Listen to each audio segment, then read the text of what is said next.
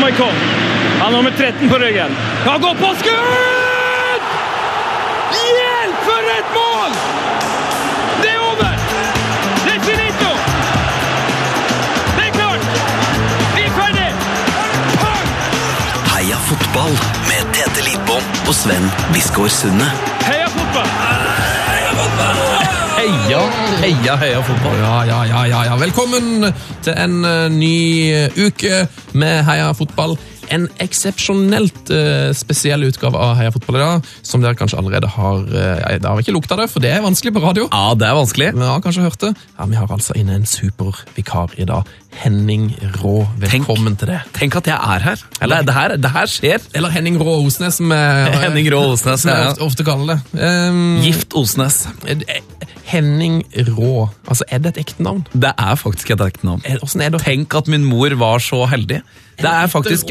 Vet du hvor råflaks jeg hadde? Oi! Ja, ja, ja, ja. Jeg, har, jeg har hørt i alle år de vitsa på navnet. vet du. Det er rett og slett at min mamma er adoptert. Mhm. Så jeg kunne ha fått alle etternavn, egentlig strengt tatt i hele verden. Men så var det familien Rå som valgte å adoptere mamma.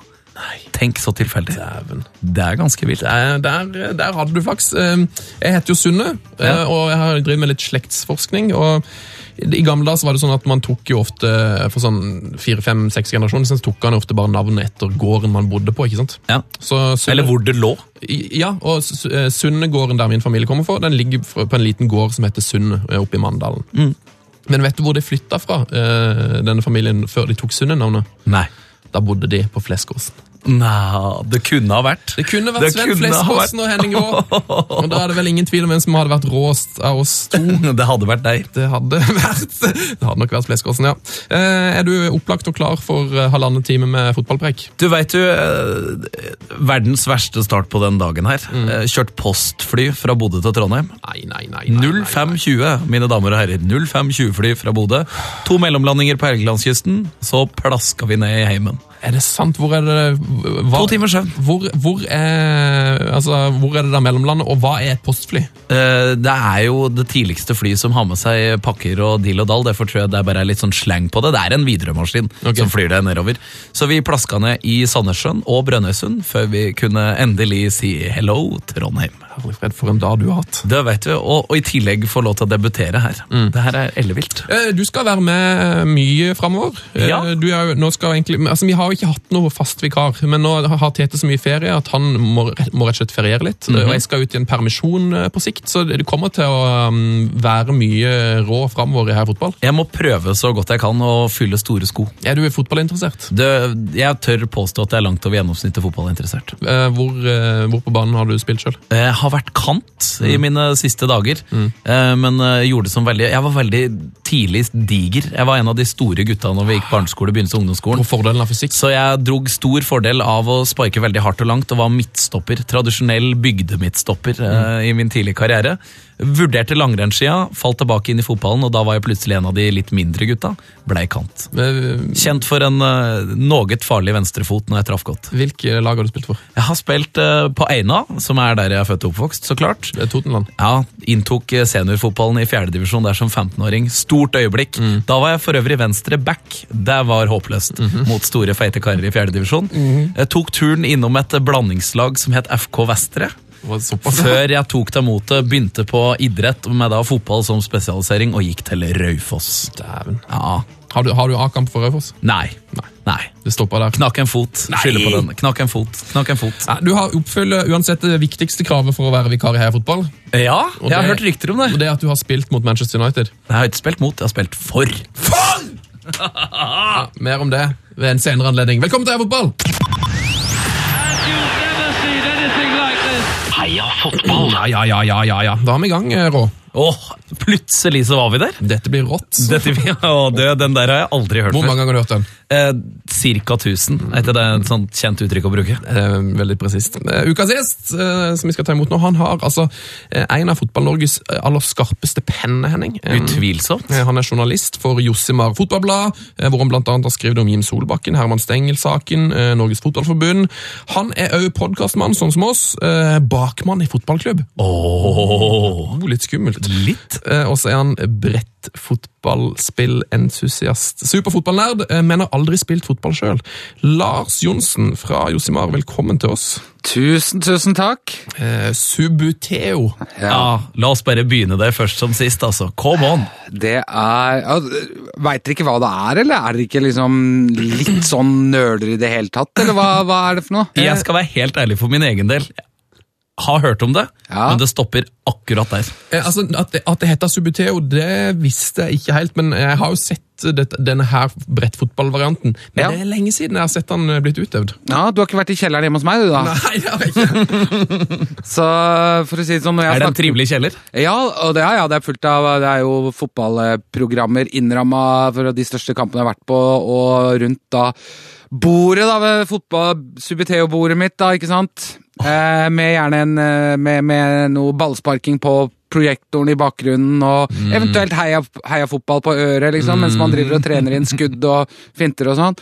Altså, Subuteo er jo et eh, spill som oppsto vel i 1946, tror jeg. Uh, I mangel på leker i England, så var det en engelskmann som fant opp uh, som, som het Peter Adolf. Det var ikke så, han var ikke så heldig med etternavnet sitt. Nei, men er var 46. Ja, Tøff- i, tøff for tid. var tøff tid for, for, for folk som het Adolf, uh, kan du si. Uh, han fant opp dette spillet hvor man brukte sånne militære militærfrakker. Det var tjukke, tjukke militærfrakker på den tida, ikke sant? så var de sånn grønne i farven. Så man, han, han kjøpte opp noe lager av det, øh, og, og lagde noen sånne pappfigurer med en sånn base under, øh, sånn, sånn at spilleren liksom skulle gli bortover. da. Og med kritt og greier, så du tegna opp linjer og sånn. Og solgte det som et fotballspill, og så bare vokste det øh, stort. Og på 70-tallet i England eksploderte jo, det var jo noe alle hadde. Eh, og i ja, rundt 1990 så nådde det altså Kolsås i Bærum, der jeg vokste opp, og, og der spilte vi eh, hver dag, alle sammen. Og var noen av oss som liksom holdt det gående. da. Det er sånt Det, er- det er knip, det, altså det er knips, Ja, knipsfotballspillet. Vi, vi, ja, øh, men man, knipsebevegelsen er ikke lov. Man har ikke, bruk, har ikke lov til å bruke tommelen som sånn springbrett, skjønner du? Man knipser med, og derfor heter det flikke, ikke knipse. Åh. Ja, det er veldig Rett i fag, faglitteratur. Ikke sant? Man bruker uh, neglen på pekefingeren, da. eventuelt langfingeren. Det er det noen som gjør. Det er man litt mindre følsomme folk, gjerne. Men man bruker Ja, så spiller man liksom fotball, da. Du kan gjenoppleve FA-cupkampen som laget ditt tapte nå mm. på søndagen, eller på lørdag, da var det jo den gangen. Så kan man bare spille den om igjen, da, ikke sant? Betyr det at man da kan se at din eh, høyre pekefinger er litt ekstra robust i, i neglen? Uh. Litt som gitarfingre, så får man subeteo-fingre. ja. mange, vet du, har la jo neglen vokse. Det var veldig sånn fad blant toppspillerne. For dette har utvikla seg til en sånn idrett. Man spiller mesterskap, og det er VM og det er ganske svært. skjønner du. En liten gjeng med entusiaster døde jo litt ut da, etter når, når, når data og sånn ble Jeg ser PlayStation kan ha vært en Kan ha ødelagt ja, en del karrierer. Men det er jo ikke nærheten av det samme, liksom. Det det er jo en blanding av liksom sjakk og snooker i hurtig tempo med fotballtema. Det er jo, det er jo Mitt første NM jeg var med i 1991, var i, på Skien videregående. Det Liksom var en sånn, de hadde sånn gymsal som var sånn dobbel. Det er noen videregående eller skoler som har sånn der, to gymsaler i én. Ja, noen er heldige. Ikke sant? Ja. Og den skolen hadde det, og der var det da bare bord etter bord etter bord. Det var som å komme inn i fotballnerdenes himmel. Fantastisk. Jeg hører jo, Det her var noe du falt pladask for meg én gang. Ja, ja. Det var helt sykt. Og har, ja, det er, der har det gått med mange timer som jeg burde ha brukt på egentlig, ifølge fattern, da. Litt fornuftige ting. Men, eh, men det blei ble, eh, Subuteo. Og jeg har landskamper. Har du det? Ja, ja, ja. Ah, Tre landskamper. Fantastisk. Hvordan havner du på landslaget i, i, i Subuteo? Uh, Og hvordan detter man ut av det? det Ja, og hvordan havner du utpå I, I store land så er det, er det såpass høyt konkurransenivå at det er eh, som å bli tatt ut på hvilket som helst landslag i idrett, kan du si. Ja. Altså Litt mindre format. Altså Man plukker ut de beste. I Norge så er miljøet såpass lite at eh, tilfeldigvis så gikk EM i Tyskland i 1995, og eh, lands, for lagkonkurransen så mangla de én mann. og undertegnede bodde på det tidspunktet i Tyskland. Selvfølgelig. Så um, jeg gjorde en Av geog av geografiske årsaker? Ja. Og så har, jeg, og så har jeg spilt Bundesliga. I, i Subuteo! Ja, én runde i, i klubbrunde i Bundesliga. Altså, Er dette sant, Lars? Ja, ja, dette er sant. Dette er ikke noe hugg. Jeg tapte alle de kampene òg, da. Jeg tapte alle landskampene mine òg, da, men det var jo sinnssykt kult. Men er det på meg drakt? Er det Ja, nasjonalsang? Er? Nei, det er ikke nasjonalsang, for det er så mange lag uh, som spiller liksom samtidig. Det foregår jo da for eksempel i en idrettshall da, Mm. over hele hallen. Masse bord, ikke sant? Så at alt foregår samtidig. Så når du spiller landskamper på lagnivå, så spiller man fire mot fire samtidig. Og så er det totalscoren da, som gjelder. Eh, man kan bli Altså eh, Kamp Åssen blir det? Kamp eh, blir, kan bli 2-2 i kamper, eksempel. Mm. Og så er det målforskjell og så videre. Altså tabeller og det er jo Så det er, sånn, det er litt sånn som når det er NM i sjakk, at uh, når folk rykker ut, så stiller seg og ser rundt på de andre bordene Ja, ja, og analyserer motstandere og prater Subuteo ja. bak, ryggen på. Er, det noe sånn, sånn som i sjakk, så er det jo en en, veldig mye sånn høflighetsregler. Er det noen sånne, noe sånne kode i Subuteo-miljøet? Ting du ikke kan gjøre? Det er ikke lov å forstyrre og sånne ting? Uh, ja, det er det, men eh, de brytes eh, til stadighet. Spesielt av spillere fra litt sørlige områder i, i Europa. Og jeg trodde du mente i Norge at det var på Sørlandet. Nei, nei, Ja, ja, ja. eh, nei hvis Altså, man, man skal jo være grei, og når man spiller i Norge, da, eller spiller mindre turneringer, så har man jo ikke dommer og sånn, så man må liksom være ærlig og sånn, og det funker sånn noenlunde. Undertegnet er vel en av dem som på en måte har vist I, i Subuteo-historien i, i Norge, så er vel undertegnet den som kanskje har brutt flest av de ja, Hva liksom- gjør du da, når du bryter kutymen i Subuteo? For eksempel eh, Løfte bordet. Jo, og smelle det ned igjen så alt fyk- fyker. Eventuelt eh, bli så sinna at du tar den Du vet, Det, spiller spilles som en liksom bitte liten plastball, en sånn, som er en tredjedel av en bordtennisball, kan du si. Du slipper den ned og måker til alt du har med høyrebeinet, og den traff jo da en motspiller midt i øyet. Oi! Ja, Han gikk og gnei seg i det øyet resten av den helga, husker jeg. I rein sånn konkurranserus har du gjort det? Rent hat, egentlig, mot, mot Hat? motstanderen. Ja, akkurat da er det det. altså. Nei, altså, det er jo konkurransesituasjon. Har det brutt ut hongemeng i en uh, Subuteo-kamp? Ja, ikke som jeg var Ikke hongemeng, men ganske Ganske sånn verbal Verbal utskjelling? Ja, det har det. Og jeg har vært med Hva er det styggeste du har sagt til noen, eh, Lars, når du har spilt Du uh, vet hva, det, det kan jeg ikke si. Det, er, Det- det det, var, det var faktisk mot en uh, Da jeg spilte EM mot en italiener. Da han fikk eh, en utskjelling eh, på norsk, da. uh, og en, så sto han skotske dommeren og klødde seg i huet, og han var ikke så fornøyd, han heller. For det var mye drøying av ty og mye sånn der legge armene rundt uh, så at du ikke når fram da, ikke sant, til den gjøre forsvarstrekket ditt, liksom. Eh, som ikke liksom man brei, breier seg litt ekstra mye, da. Litt sånn som man gjør. Da kom det noen utskjellinger, og det var ikke spesielt pen. Der kom det noen uttrykk som jeg, jeg ikke ville brukt i dag, da. Så ak- i Subuteo, akkurat som i internasjonal fotball, så er det jo liksom de, de lange bortekampene som er de røffeste. Der Ja. kulturforskjellene blir størst. Absolutt. absolutt. Det er ganske tøff. Går hardt for seg de der når du spiller sånn Champions League. Eh, spesielt med sånn greske og italienske lag møter eh, tyske og engelske og sånn. Da, da er det stemninga ofte dårlig, og jubling i trynet. ikke sant? Det er jo helt stille, ikke sant? så skåres det mål, så jubles det opp i trynet på motstanderen når du først skårer. Og da jubler de andre på, som spiller samtidig på laget, ikke sant? på de andre kampene, og stopper opp sin kamp. Og, så det er ganske er moro. Røft miljø? Ja, det er, det er litt sånn sånn eh, nerdemiljø som eh, Og veldig mange sånne usympatiske folk. da, typisk sånn, der, sånne som liker å gni det inn. Så Elsker kanskje faktisk òg? Ja, absolutt. Ja. Det er, det er ikke noen toppspillere som spiller Subuteo. Fro, Frode Kippe eller eh, altså, Vet du hva, Paolo Maldini? Nei! Jo, jo, Paolo Maldini, vet du hva han har sagt, eller? Nei. Eh, altså, uh, Dette ble jo selvfølgelig plukka opp av den som lager Subiteo, da. Eh, fabrikken eh, de, Som de lagde sånn derre reklame eller, eller en sånn PR, så står det, står det Subiteo is the reason why I like rainy days. Paolo Maldini. Oh, oh. Og det er nydelig. Det er poesi. Ja, det er det. Det har ikke, ikke vært så mange rainy days i livet til Maldini heller. Så det er Nei, liksom- når, ikke det, når det først butter, så er det Subuteo når den går til. Ja, da pu- fram med pussekluten, for man pusser jo basene for at de skal gli best mulig. sånn. Oi, oi, oi. Fram med pussekluten. Det er Ja, innafor ja. å si, altså. Ja, ja, Det, er, det er et raust uttrykk. Er, er det 11 mot 11, eller? El ja, ja, 11 mot 11. Ja, Og hvor stor er banen? Uh, Biljardbord? Uh, nei. ehm, Kurongbord? Uh, den er én ganger 1,50. Mm. Vi må, jeg, jeg merker det her er jo en dokumentar på sikt, Lars. Lars. Må, Ja, det her må, må vises. Vi må dypdykke i Subiteo-miljøet. Fantastisk spill. Jeg har hatt så mye glede av det. Så. Er det TV-sendt noen steder? Er det så Eh, stort noen steder at det er TV-sendt? Det har eh, vært TV-sendt, ja, faktisk. Det er, og et Channel 4 lagde jo dokumentar fra VM i 1990, blant annet. Så det har eh, Selvfølgelig. Men det har litt sånn indie-filmskapere sånn, som har prøvd å, å, å, å, dykke litt i det og fortelle om det og sånn. Eh, og det er vel noe streaming av noen kamper og sånn. Eh, Hvis vi, hvis vi skal over på, på fotballen der nå Det er jo snart uh, cupfinale i, i fotball. Ja. Vi, kan jo, vi kan jo ta for oss den Kongsvinger og Rosenborg. ja, Rosenborg skal vinne, da. Men Men. Det er jo alltid det store men.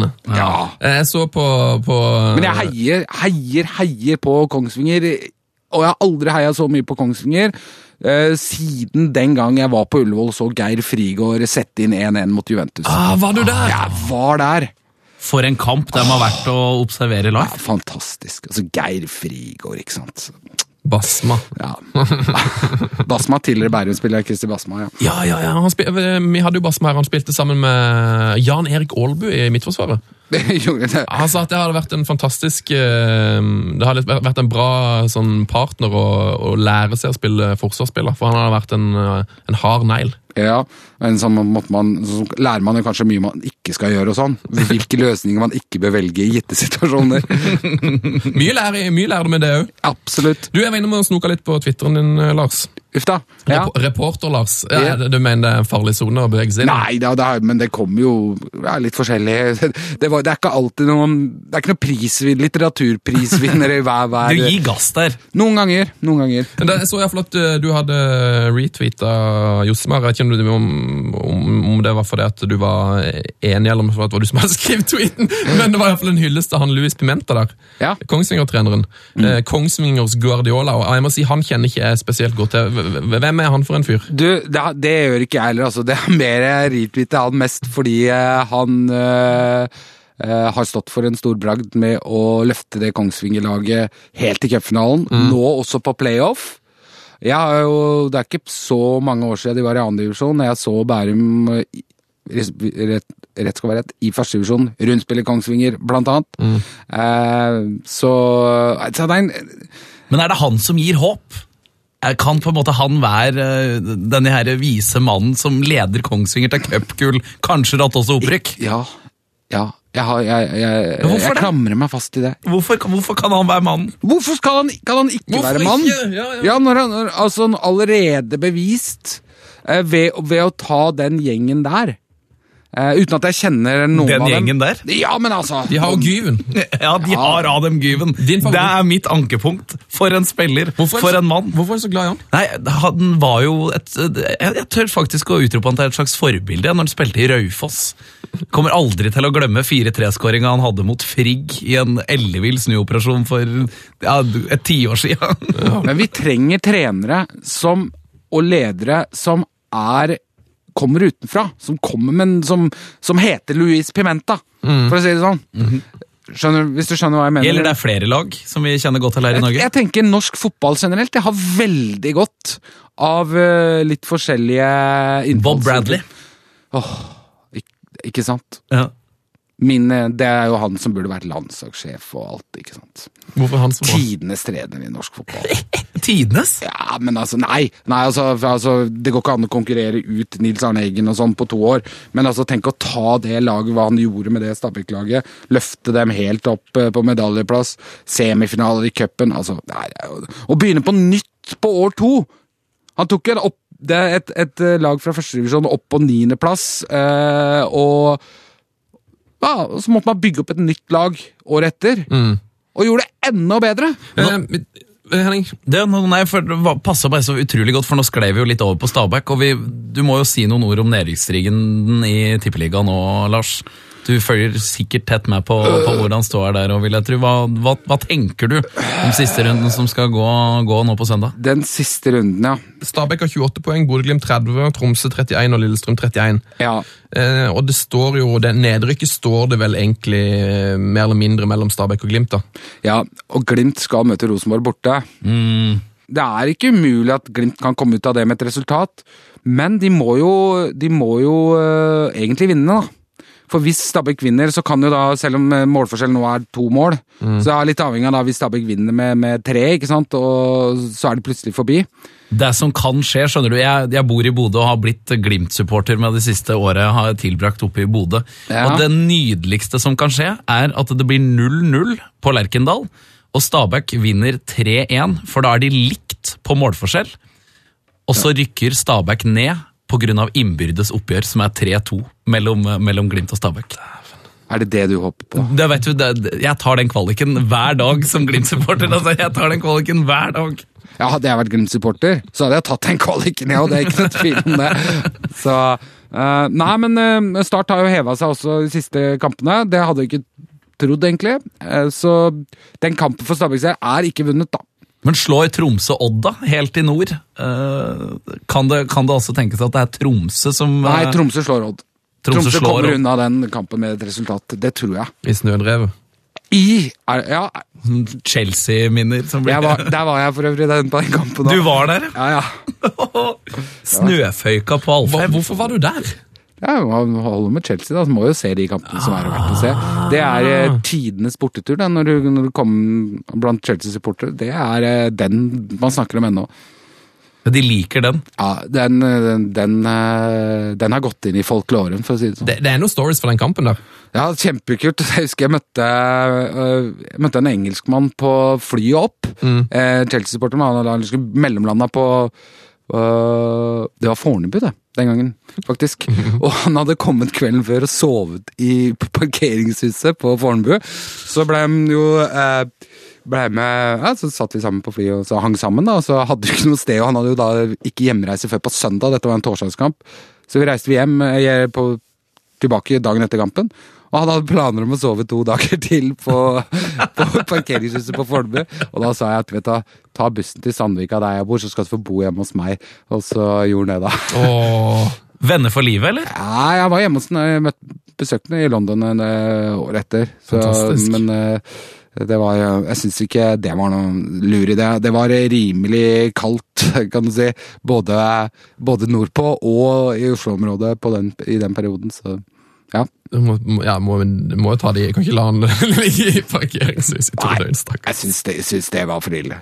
Brødelig fans. Uh, ja. Ja, det var, det var en kul tur, det. Altså. Det var det. Eh, Skal vi tippe hvem Endte på rorbua, faktisk. Rorbua. Chelsea-supporterne tok over rorbua. Wow. Det ble sølt mye øl den kvelden, Lars. Ja, og jeg, jeg tok mikken og sang uh, Maybe It's Because I'm a London, faktisk. Den må vi få høre en strofe av nå, Lars. Ja, den må du du ta en strofe. det er en klassiker på Chelsea bortekamper. Dere har hørt den fra engelsktimen på barneskolen? Nei, litt usikker der, altså. Maybe it's because I'm a Londoner that I think of her wherever I go. Og så, Oi, oi, oi, oi. Det her er nydelig. Altså, uh. Um, vi må avslutte tippeligapraten eh, her. Hvem, hvem tror vi rykker ned, og hvem kommer på kvaliken av de fire? Lillestrøm, Tromsø, Glimt og Stabæk. Jeg tror at øh, fra klokka 18 på søndag til sånn 1950, eller når det, når det siste fløyta går, så vil vi ha hatt en skikkelig sånn Man har bytta plass mye underveis, men jeg tror faktisk Stabæk rykker ned, og Glimt tar den kvaliken. ja. Åh, takk for at du sier det. Det varmer meg. Men at, at det faktisk blir uforandra fra sånn det er nå, da. Eh, men at eh, det vil være mye neglebiting da underveis. da, Og det, avgjørelsen liksom faller, og det gjør det alltid, innen- innenfor de siste ti minuttene. Jeg tenker også for Glimt sin del, hvis de ryker ned altså i den sesongen her.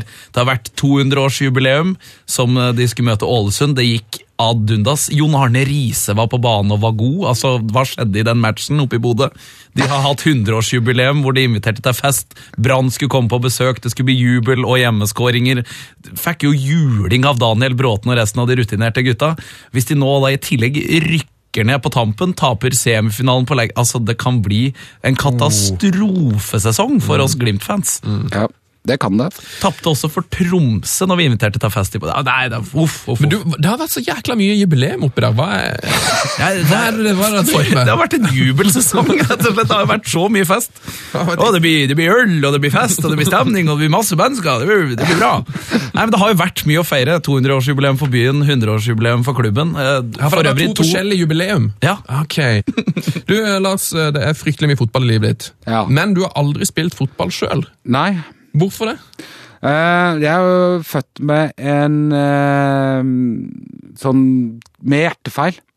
Så da jeg var uh, i den alderen man begynte å spille fotball Jeg fikk operert inn det vi kaller pacemaker da jeg var fem år. Før det var det litt sånn touch and go, hva som kom til å skje, da. Eh, og så hadde jeg en episode hvor jeg falt om på, på eh, vei hjem, altså rett utover døren til naboen, da, for så vidt. Eh, en, en bratt bratt bakke, eh, hvor jeg så jeg ikke greide å gå opp, rett og slett. Ble, og da stoppa hjertet. Og den, for å si det sånn, den var ganske bratt, følte jeg, men jeg har jo vært tilbake i huset jeg vokste opp, og den er ikke spesielt bratt, den bakken.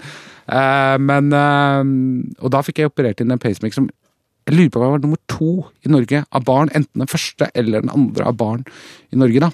Den, var, den teknologien var jo ikke tilgjengelig Den var jo da den kom, kan Ja. du si. Eh, og, og da hadde man sånn sånn eh, konstant puls på 90. Oi! Ja, Ja, man om man sover eller løper eller ting, så jeg har alltid vært sånn sykt dårlig på 60-meter og, og, og, og alt mulig sånn i, i gymmen da, på skolen. Så, øh, men den lå i mavehulen, Eh, og det vil da si at når liksom sånn unge løper rundt og sparker fotball, så kunne Det var det legene var redd for, da. ikke sant? At eh, ballen skulle treffe magen, og så skulle ledningen ryke og sånne ting. Så da ble det liksom aldri til, da. Og, og det var jo ikke før jeg ble opp i tenåra at en sånn ny teknologi kom på plass, at man har, man, man har liksom varierende puls og, i forhold til hva man gjør og, og sånne ting. Så da ble det aldri fotball. Jeg har spilt noen kamper seinere sånn på fatterns bedriftslag på veterannivå, eller når de var veteraner og sånn. Jeg har faktisk én mål per kamp. Det var ikke så veldig mange da. Men hvordan har, har det her på en måte tatt plass i livet ditt, og på en måte også sørga for den enorme fotballinteressen? Altså, jeg vokste opp i garderoben. Faren min spilte jo på to lag eh, da jeg var eh, Altså både oldboys-lag og bedriftslag. Eh, og eh, også om vinteren, inne. Så det var eh, fotball eh, flere ganger i uka, hver uke, hele året igjennom. Og jeg var med på hver kamp, eh, og fikk jo liksom lå, satt og lukta på gresset. De gangene var jeg heldig å få gresskamper og ikke spilte på grus, da, vel å merke. Men, eh, og, og fikk garderobepraten og alt mulig, så var jo der det og Faren min er jo ordentlig fotball. Han har jo spilt eh, i Bærum sportsklubb eh, fra han var ja, fra det første året man hadde lov til å spille fotball den gangen, til eh, på alle nivåer. A-lag, B-lag, eh, Oldboys, veteran. Til han var over 50. Så det er gjennom det, da. Du forelska deg like naturlig som alle oss andre som går rundt og prøver sjøl. Absolutt. absolutt. Og så har jeg vært dommer, da. vet du. Ja, dommer, ja. Ja, ja. Dommer, det var min store greie. da. Jeg Var, eh, tok dommerkurs da jeg var 14 år. jeg. Jeg var også hockeydommer. Eh, jeg var, jeg, eh, og fotballdommer på samme tid. Ja, jeg, jeg var Svein Erik Edvardsen før det fantes Svein Erik Edvardsen. Ah, han har tatt etter deg. Ja, så eh, Jeg var mye bedre fotballdommer enn hockeydommer. Det, Trodde du skulle si at du var mye bedre dommer enn Edvardsen. Eh, nei, jeg var, jeg var eh, ålreit, men mangla kanskje litt tøffhet uh, da. Som jeg ville ha, ha Som jeg på en måte vokst på meg etter at jeg liksom slutta. Da, for at da jeg var 19, så flytta jeg utenlands, og så etter det så, så når etter at jeg kom tilbake, og sånn, så har jeg dømt mye, men da mer på sånn lag jeg kjenner som trenger en dommer og, og sånne ting. Ja. Så jeg Dømt et par kamper i år òg, på veterannivå, faktisk. Eh, Du uh, snakka litt om eh, Bærum allerede, eh, og eh, introduserte deg jo egentlig litt som en sånn, nesten litt sånn skummelt som en bakmann i fotballklubben. Jeg har ikke hatt så mange eh, bakmenn innom her i, i podkasten til nå. Hva, hva, er du, hva er du gjør i Bærum? Har du, du har vært noen, en slags, nesten en sånn slags øverst leder der, en liten periode? Eh, nei, jeg var i styre Jeg satt i styre en periode. eh, var nestleder i styret. Eh, men det jeg jo ikke det lenger. Jeg er jo helt ute av det. Jeg har ikke noen rolle i, i klubben utover å være å gå på kamper. da. Hva, hva er det Og- man gjør når man sitter i styret? Når man sitter i styret i Bærum sportsklubb, så handler det i det store og hele om å fordele kioskvakter til cuper for eh, barn, eh, eh, når det er barneturneringer og sånne ting. Eh, det er alt det er som en breddeklubb, det, egentlig. Det er altså man det, får trenerkabaler til å gå opp. Eh, hvordan får vi snudd, øko, snudd økonomien, som er alle fotballag? Eh, hvordan balanserer vi satsing på A-laget kontra eh, barn og unge osv. Så, videre. så det er ikke noe det er ikke, ikke noen sportsdirektør. Det var ikke helt Tor Christian Carlsen, kan du si. Du, var ikke, du, var ikke rundt, du dro ikke ned rundt i Afrika og scouta spillere som sånn, sånn uh, Grindhaug og Er du ansvarlig for noen signeringer? Nei. Nei. Nei, og det ville jeg ikke vært heller. Jeg har sett deg liste, Lars, eh, over land du har sett fotball i. Eh, Den lista den var, eh, den var lenger enn land jeg har besøkt generelt på ferie. Altså, hvor mange land har du sett fotball i, egentlig? Uh, hvor mange land jeg har sett fotball i? Ja, det er Det er ikke Jeg syns ikke denne lista er så lang, da. Du syns ikke denne lista er så Jeg syns den var lang! altså, eh, Det var et par land der som er sånn eh, Wales, Ukraina og Latvia, blant annet. Ja. Eh, Naturlig land å reise til for å se litt fotball. Ja, altså, altså i, på den lista eh, Altså Det er Norge, Sverige, Danmark, Island, Latvia, Tyskland, Sveits, Frankrike, Italia, Spania, England, Skottland, Wales, no Irland, Nord-Irland, Nederland, Belgia, Ukraina. Tror jeg det er. Og den lista var ikke så lang. Nei, eh, noen av det er jo mesterskap. da Ukraina er jo eksempel mesterskapet var jo EM i 2012. da eh, Og ja, så er man jo på Men altså, herregud, man må jo rundt litt.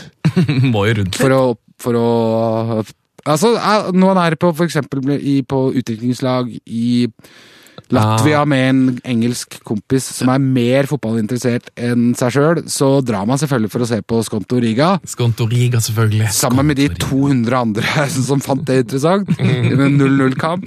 Um, Hvordan er det Hvordan er det å være på den matchen?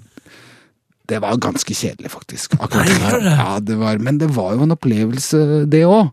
Det er alltid det å se fotball. Det er mye morsommere det enn å sitte på, og se på TV. Det er mye morsommere å være rundt og oppleve liksom, hvordan, hvordan er med maten, ikke sant. Altså, hvordan Lukter det stekte burgere rundt omkring, sånn som vi gjør når du går på engelske kamper? Nei, det gjorde jo ikke det der. Men eh, Latvia var ganske sånn Ja, det er norsk tredjedivisjonsopplegg opplegg rundt kampen, egentlig. Så det var ikke noe sånn høydere, da. Men eh, Lompent, lompen stemning. ja, det, det vil jeg si. Eh, Du, jeg vet, eh, så vidt jeg vet, så er du eh, avholdsmann. Ja, det, jeg gikk på en smell da jeg var i Yes! da stemmer bakgrunnssjekken. For det har Jeg hørt at du hadde, altså, jeg har hørt at du er ekstremt opptatt av irsk fotball, som jeg jo også finner veldig veldig rart. Men uh, at du hadde det så gøy i Irland at du, mm, at du måtte, rett og slett følte at du måtte begynne å drikke litt igjen. ja, jeg har faktisk vært eh, både Jeg har vært på eh, både bryllup og alt mulig i, på de britiske øyer edru en periode. Men jeg var i skulle skrive om eh, Irland og Nord-Irland i forbindelse med Josimars EM-utgave.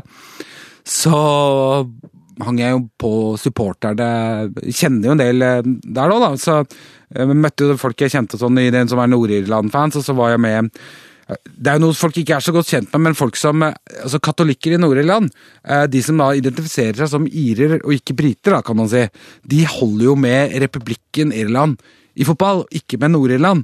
Eh, selv om man på en måte kan, er kvalifisert for begge lag, og selv om sønnen din da kan plutselig ende opp å spille for Nord-Irland, så er du gjerne Irland-supporter hvis du er vokst opp med irsk identitet, da. Eh, så jeg hang meg jo med Irland-supporterne. Jeg var og så to kamper i Nord-Irland mot eh, var ikke Slovenia, da. Og så var det på Windsor Park i Belfast, og det er alltid gøy. Det er alltid gøy på kamp i Nord-Irland. Det er kjempestemning og Det er det av. ja, det er, folk er så hyggelige, da. Det er som å gå på en sånn klubbkamp. Alle går i drakter og er blide og det er det, De får jo ikke noe særlig fotball av kvalitet der oppe.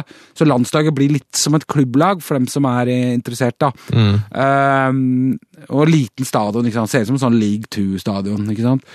Uh, og, og dagen etter var jeg da i Dublin, og- så Irland mot Slovakia, vel. Og da satte jeg på med supporterbussen til eh, eh, Irland-supporterne fra Falls Road. Falls Road er jo en av de Hvis du kjenner litt til Nord-Irland-konflikten, så er det der liksom Det er sånn IRA stronghold. Det er virkelig Der har det stått eh, det, er, det er Falls og Shankill på hver sin side av den fredsmuren okay. som er bygd mellom. For Shankill er et protestantisk område, og Falls er eh, området. Eh, det er ja, arbeiderklassestrøk, kan vi si det sånn, da. Okay. Eh, så jeg satt på med, med dem, da. Med minibussen deres på vei til Dublin for å se Irland. Og da tok jeg med en kasse øl. Men på Man kommer ikke inn i en irsk supporterbuss uten å ha med seg en kasse øl, liksom. Det er regel. Ja, tommefingerregel. Endte jeg med å drikke flere av de boksene. Og da Hele kassa? Nei, ikke, nei, nei, nei, nei. Det, er, det er 16 mil fra Belfast til Dublin, så ikke engang drevne meg med, fra, fra back in the day greier å tømme en kasse øl på under, under to timer, eller på ca. to timer. Men uh, uh, der, så det ble Og da fortsatte vi jo en pub da utafor, ikke så langt unna mm, Aviva Stadium, som det nå heter i Dublin, den gamle Lansdown Road. Hvor jeg for øvrig var og så eh, VM-kamp mellom Irland og Andorra en gang, og så Andorra skåre på bortebane. Oi! Ja, Tenk på det. Det skal jeg ha på gravsteinen. Ja, det, er- det er faktisk vel verdt. Han så Andorra. Her hviler en fyr som så Andorra skåre på bortebane. um, som er da sånn ny, veldig ny det, Men det var ålreit stadion for øvrig. Men eh, ja, så vi endte videre da, på pub, og der ble det Gikk i mørkt øl, da, vet du. Ikke mørkt øl. Tilbake i liksom stemning Altså, hvis det har vært på alle, alle dem der ute som liksom reiser på fotballturer i England, som er litt sånn kjent med miljøet og kanskje holder seg litt utafor turistfellene og sånn, kjenner den derre hvordan, hvordan stemninga liksom ligger litt sånn mer, Nærmer seg mer og mer taket, da, når, under kampdagen. Det er sånn derre hvor man står man, Ingen som sitter og prater, man står rundt ståbord og liksom man gynger litt med, og noen synger, og så blir noen Noen ganger synger hele puben, og Ikke sant? Det er en sånn der stemning som bare er ja, Du har, du har bodd eh, i Tyskland og England òg? Jeg, jeg er født i England, så jeg har bodd der sånn sett, kan du si, tre måneder som baby. Eh, men jeg teller liksom ikke sånn jeg, har ikke, jeg husker ikke så mye av den perioden. Hvor har du bodd i Tyskland, da? Eh, I Dresden. Dresden. Hvor er vi da? Øst, eh, nesten på grensen mot Tsjekkia. Det er ti mil fra Praha. Det er nærmere Praha enn Berlin, vel. Da ble det mye fotball, regner jeg med. Det ble, ble veldig mye fotball. Det var derfor jeg dro dit. Jeg skulle velge ut sted hvor jeg skulle studere, så, så skulle jeg ha et sted hvor det var fotballag. Og Dresden lå jo da i Bundesliga eh, på det tidspunktet. Det gjorde det ikke så veldig lenge. Ikke kampene, eh, det var ikke så mange kamper igjen av sesongen da jeg kom, da. Eh, men jeg så alle, og til og med var på to bort, lange borteturer. Og så eh, de vant én kamp, og så ble de tatt for noe økonomisk snusk. Altså Formannen i klubben hadde brukt klubben til å hvitvaske penger og greier. Så de ble flytta to divisjoner ned, da. Det var, der, det var der eh, den motivasjonen din for, å- rote i klubbeiere sitt eh, virke våkna til. Ja, det var, det var en eh, interessant historie med hva heter det, Rolf Jürgen Big Boss Otto, som eh, hadde tatt over klubben. Han var liksom en sånn Big boss. ja, ja, ja. Er det lov å hete det? Nei, det, var, det var er det lov? Ja, det er, I Tyskland er det lov. Han var, han var en eh, byggentreprenør slash boksepromotor slash nattklubbeier fra Essen, tror jeg, i, yes. i Vest-Tyskland, som hadde sett sitt snitt og, og etablere seg, etablere seg på, i, i den nye delen av Tyskland. da. Og blitt, eh, var president da, i, eh, i Dresden, og ja, brukte den klubbkassa Det lukter snusk lang ja, det, var, det, var, det ble avdekka snusk der, ja. Og da mista de profflisensen. Som er det som liksom er klubblisensen i dag, da. Som de hadde da. Og da måtte man ned på nivå tre, som var ja, fortsatt rangert som amatørnivå. Og, da, og det var litt moro, da, for at den ligaen besto av lag i, fra Øst-Tyskland. Altså basically en, en eh, demo... Nei, eller en, en hva, skal man kalle det? Eh, For hvilke år er vi på her? vi, vi er på 95-96. Og da, da var det jo bare noen år siden muren falt, og da var man liksom tilbake til omtrent den samme ligaen som hadde eksistert i DDR. Ja, ja, ja, for tredjedivisjon var bare øst, østlag. Eh, Omtrent, Pluss de laga fra Vest-Berlin, da, kan du si. Mm. Som da geografisk faller inn som de øst, øst. Så øh, det ble en sånn ostalgitur, da. For det var jo da ve- veldig gøy å prate med disse gutta. Ja, prate med gutta som var oppvokst i DDR, da, om den gamle, gamle fotballen. ikke sant? Og da fikk man jo sett alle fikk man jo sett kamper på forskjellige stadioner. og Hvilke spillere var det du eh, fikk øynene opp for i den perioden her? Da var det han Jens Jeremis, husker du han? Ja, ja, ja. ja, ja. Løpsmaskin på Løps- München. Ja. Han, Fantastisk sveis. han spilte på det Dresden-laget, og Og øh, Mark Schwarzer spilte. Uh, han fikk én kamp, husker jeg. Jeg så han sto én kamp uh, som Var han amatør. 100 år da også? Nei, da var han en ung Kan ha vært Han var 50 på den tida. da. ja. Bare Nei, altså han er jo, som etternavnet antyder, Schwarza, så er han jo, eh, har han jo tyske aner. Og det var vel noen foreldre hans i Australia som hadde brukte, brukte eh, bekjentskaper da, til å få han inn i tysk fotball, og endte da som amatørspiller i Dresden. Jeg tror de aldri skrev noen proffkontrakt heller med han. Da. Eh, det gjorde de vel heller aldri med Jens Jeremis, som da endte gratis, gikk gratis til eh, Bayern, og jeg ikke husker helt feil. Det er to ting Big Boss angrer på. Ja, Big Boss, han ja, ikke, han, han var ikke typen til å angre, han så mye framover, han. Men, eh, men så hadde man jo på topp hadde jo det laget som rykka ned. Det var jo Jonny Bråttom, Jonny Hekstrøm, spilte, og Jørn Andersen. Så møtte jeg fatter'n var, var og besøkte meg, så da møtte vi Jørn Andersen på pub. da. Nei, er det sant? Ja, ja. Hva slags samtale ble ført på den puben? Han var øh, Og hvor han- svær var John Andersen på den tida der? Han var, uh, var svær sånn fysisk sett, så var han jo ganske stor, men han var jo, hadde en fallende stjerne og spilte veldig lite. Uh, og Fatter'n prøvde å få i gang en samtale om forrige kamp. Han var jo selvfølgelig verdt Fatter'n kom jo ned, og det sammenfalt jo selvfølgelig med en kamp, Selvfølgelig. Uh, og, som vi var på. Og da ville fatter'n ha i gang en samtale om det, og det var han ikke så veldig interessert i. da, For han hadde jo selvfølgelig ikke vært i starthelveren i den kampen der. Tungt. Han satt langt ute på benken, egentlig. Du, når, når vi er i, i Øst-Tyskland, eh, Ja. og man snakker om klubbledere, så jeg hører jo mye på uh, Josimar-podkasten som du er sjef for. Eh, og Ja. Der har de snakka en del om Red Bull, Sals, eh, nei, Red Bull eh, i Leipzig. Eller de Ja. heter vel ikke Red Bull Leipzig, men det er Red Bull sitt lag. Ja, Rasenballsport. Hvorfor heter det ikke Red Bull Leipzig? Det er vel ikke loven da med, med slike sponsornavn, egentlig. Det er vel det. Selv om Bayer Leverkosen har det. Eh, nei, så de, de heter eh, De måtte finne på noe annet, da. Som hvor RB, med RB i. Så rasenballsport, det betyr jo egentlig gressballsport.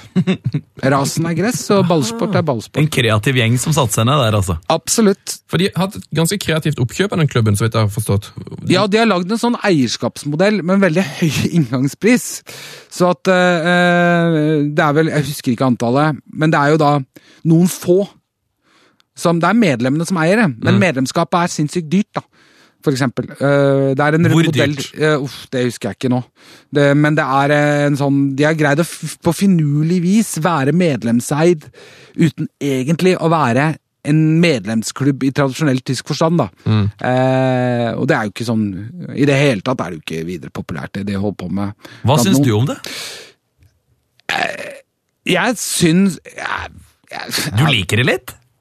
Eh, ja, litt, det er litt sånn kontrært, da. Eh, I Tyskland er man veldig opptatt av dette her, og at det skal være ekte. og ikke sånn Tradisjonsverein, ikke sant?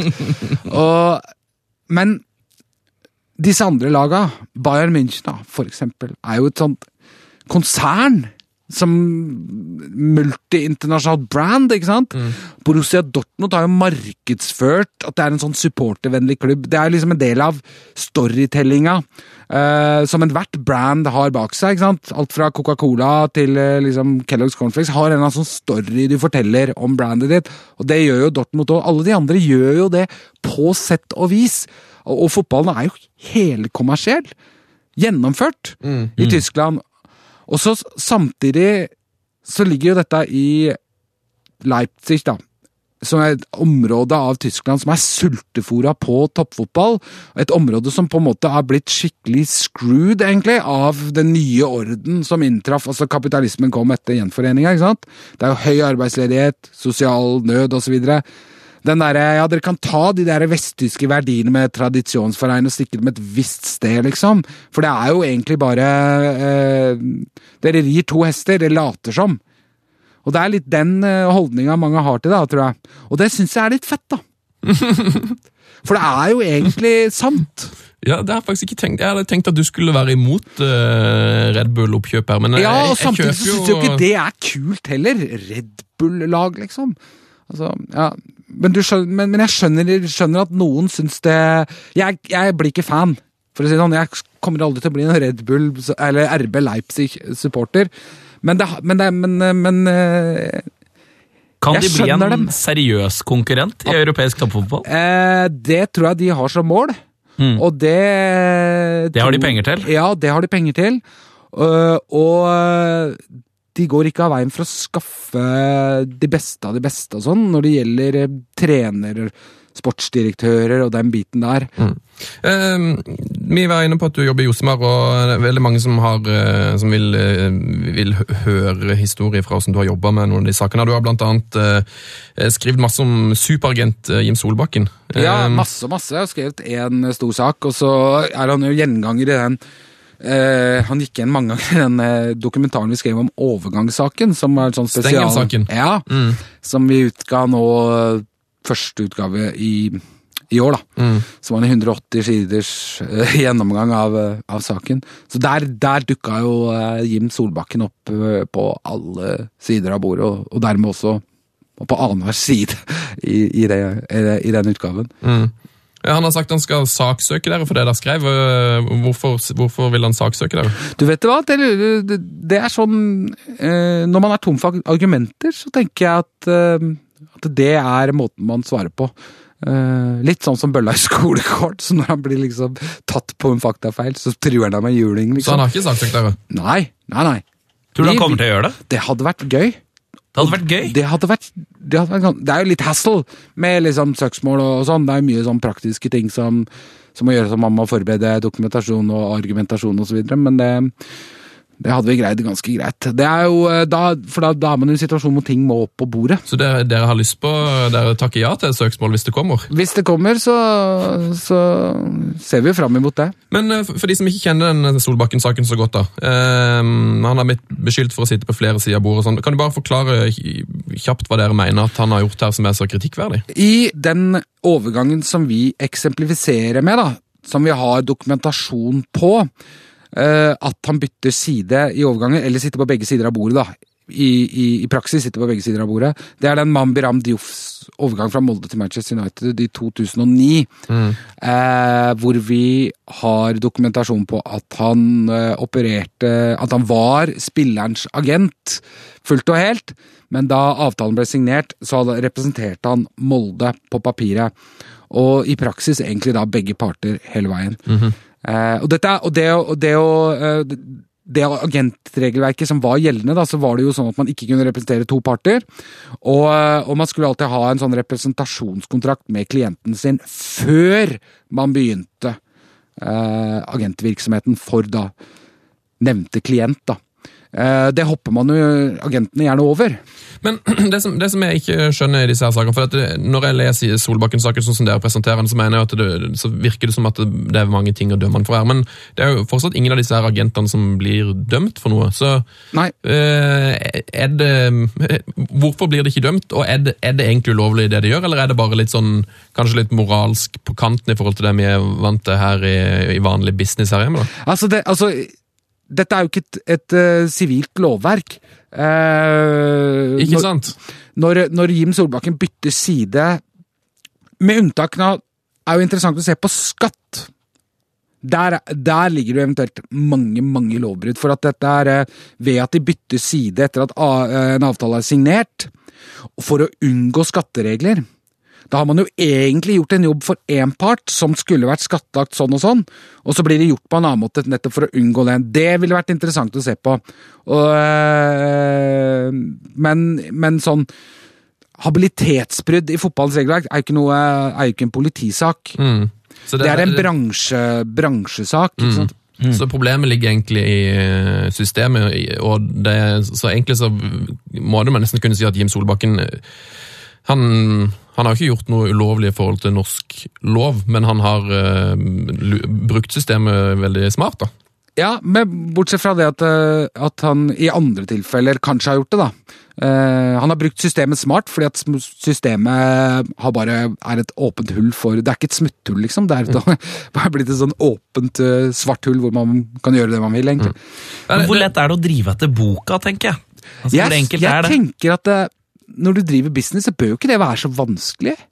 Nei? Å skrive representasjonskontrakt og være ryddig i forhold til hvem du skal representere, at det aldri skal være tvil om hvilke interesser du skal ivareta, for det er også en veldig, veldig, som du Sven var innom eh, det moralske. ikke sant? Det er jo at eh, For mange fotballspillere så er agenten den nærmeste liksom, eh, ressurspersonen de har, som kjenner bransjen, som kan styre unna fallgruvene. Det, altså, det er en ganske kynisk bransje. Klubbene er ute etter å lure deg, ikke sant. Eh, vil signere en litt lavere avtale enn det du eh, Og du er jo dritkeen ikke sant, på å bli proff, da. Eh, og da er jo agentens jobb å være din en, en sånn forsørgerperson, da. Eh, mye mer enn foreldra dine, som kjenner, de kjenner jo ikke det bransjen og hvor, hvor, hvor man kan trå feil. Det skal jo være agent, skulle være agentenes rolle å ta virkelig ivareta spillerens interesser og ha det hele tida i bakhodet. Men hva gjør det da når du uh, med, med når, Eller Det er penga som er problemet. ja, altså hvilket, tar du, hvilken interesse ivaretar du? Hvems interesse ivaretar du når du bytter side?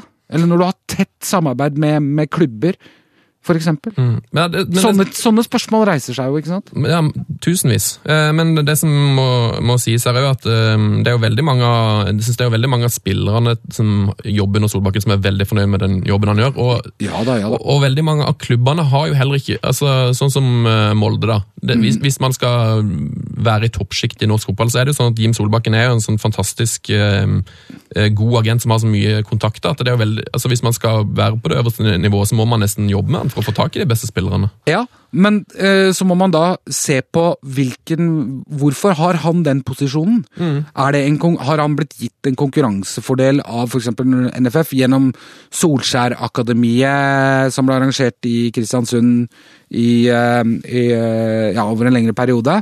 Hvor, eh, som, som ble arrangert av agentselskapet som de to eide sammen. Eh, hvor da på, på en måte porteføljen øh, vokste. Eh, og, ikke sant? Og det var jo et NFF. Det var NFF som plukka opp spillet, men med, NFFs velsignelse at et agentselskap fikk drive talentleir. Eh, har NFF vært med da på å skape en sånn forvridd konkurransesituasjon? Kanskje? Men Lars, som en gedigen fotballelsker, mm. hvordan er det her altså er, Med tanke på hvor mye lumskheter som er i fotballen, er det noen ganger der du får litt lyst til å lukke øya dine og tenke at fotball er fantastisk, eller er det noe av og til sånn at du tenker sånn Kanskje man skulle heller begynt å følge med på turn, for her er det mye dritt. Det er jo, altså det vi har, jeg har pirka borti, er jo overflaten i forhold til liksom hvor snuskete fotballens verden er. Det har vi jo sett nå når Fifa på en måte toppene faller og storyene kommer ut om hvor, liksom, hvor mye sånn kickbacks og korrupsjon det er. da.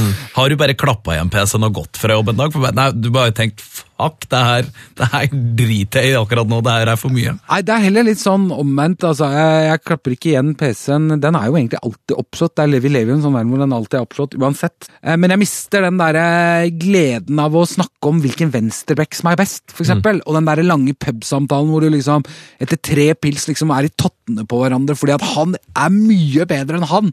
Og te, ikke sant? De der eh, eh, tinga som det går på det rent sånn der spillmessige, spillmessig, da. Eh, det greier jeg ikke lenger. Jeg greier ikke interessere meg for hvem som er eh, best på høyrebekken eller venstrebekken til Arsenal og Tottenham lenger. Det er, liksom Uh, Så det, min interesse går heller på, på liksom å finne ut av Og egentlig så er det jo liksom faens, går litt faen i det. Altså det er jo folk Det er skittent, og det er noen som ødelegger den uh, Altså den uh, herligste sporten i verden. Da. Det er noen som egentlig ødelegger den. Rett og slett. Vi burde egentlig eller kunne snakka om det her i en evighet til. og Dere har skrevet masse om uh, Yngve Hallén og Kjetil Siem og Uefa-valget og alt mulig, men det er litt sånn vanskelig å snakke om de tingene når ikke de er her heller. for det, Ja. man, man skal jo kunne forsvare seg, sånn som Jim Solbakken har, har sikkert noen uh, Hvis han hadde vært her, så kunne han sikkert fortalt, fortalt oss masse om hvor, hvorfor han mener det, eh, at han må, må jobbe sånn som dette. Så det er ikke så lett- lett å snakke så veldig mye mer om det, men eh, det er i hvert fall veldig interessant å høre hva du har å si. Mm. Eh, jeg tror vi skal bevege oss videre. Jeg vet at, eh, jeg vet at dere har blitt trua med søksmål av Infantino òg. Ja, Hvor, hvorfor, Det er riktig. hvorfor det? Altså, Eh, Fifa-sjefen. ja, vi har jo skrevet om den eh, Uefa, valget Uefa, eh, der Alexander Schäferin fra Slovenia har blitt um, tidlig innsatt. I god tid, kan du si, før, før valget, da. Hvor Infantino spiller en sånn bakrolle, og ja Kjetil Siem har jo lobbyert for Schæferin i Visstnok, i henhold til hans egne ord, og i henhold til ordene til Yngve Hallén. Eh, og Kjetil Siem er jo da Infantinos høyre hånd. Og det er sånn sammenfallende interesser eh, da rundt det. Så han mener at dere har svartmalt eh, han, da? Ja, for eksempel. Det, vi får se hva som skjer der. Men det har ikke skjedd noe ennå. Nei. Nei. Nei. Ja, det, er det et Det ville jo vært artig òg. Er det et søksmål du gleder deg til det òg? Ja, altså herregud, tenk på det. Fått Fifa, fått FIFA sagt opp i en norsk domstol. Da koker det. Da, da er vi liksom hele verdens media utafor Oslo tinghus, altså. Da kjenner du det kribler. Ja, Hva er, neste, hva er neste sak du jobber med for Josemann? Nå regner med dere har uh, nye ting på gang. det, har, jeg- det vil jeg ikke si. Vil Det vil jeg ikke si. Det vil jeg ikke si. Åh, hemmelighetsfull. Vi skal gå til ukas Men jeg har lyst til, på sikt skal jeg skrive en sak om Aberdeen. Aberdeen! Ja. Men eh, kanskje. Vi får se hva det blir til. Det, blir, det er så mye sånne andre ting som henger litt i lufta. Men ja, Nå fikk, nå rakk vi ikke snakke om Glasgow Rangers heller. gjør vi ikke? Jo, vent litt. Skal se om jeg fikser det litt, litt tid her.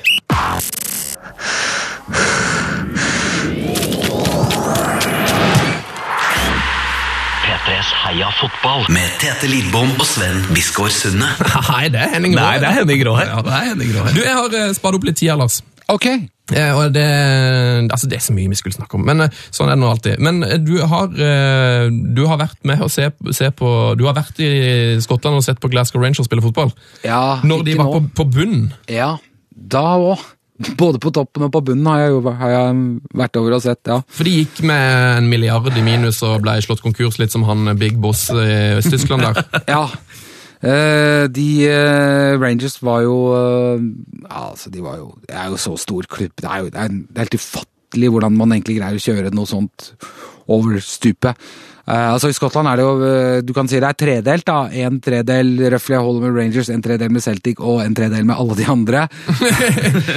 I tillegg så har jo da Rangers eh, og Celtic for så vidt i store supporterskare i England, eller Irland, og uh, på begge sider av, av grensa der. Og i, i England altså Det er enormt store klubber med salg av drakter og sånn, som er liksom med store diaspora-supportergrupper i Nord-Amerika, Australia. Altså, og så Diaspora, hva betyr det? ja, utflytter, altså etterkommere og utflyttere, da. Ok, ok. Um, For det her er mye større enn hva folk egentlig forstår. Altså Rangers og Celtic er det to eh, Det er vel bare Manchester United og Liverpool i Storbritannia som måler seg i størrelse. Ja. Um, av andre grunner, altså mer av sportslige grunner enn av sånn identitetsgrunner.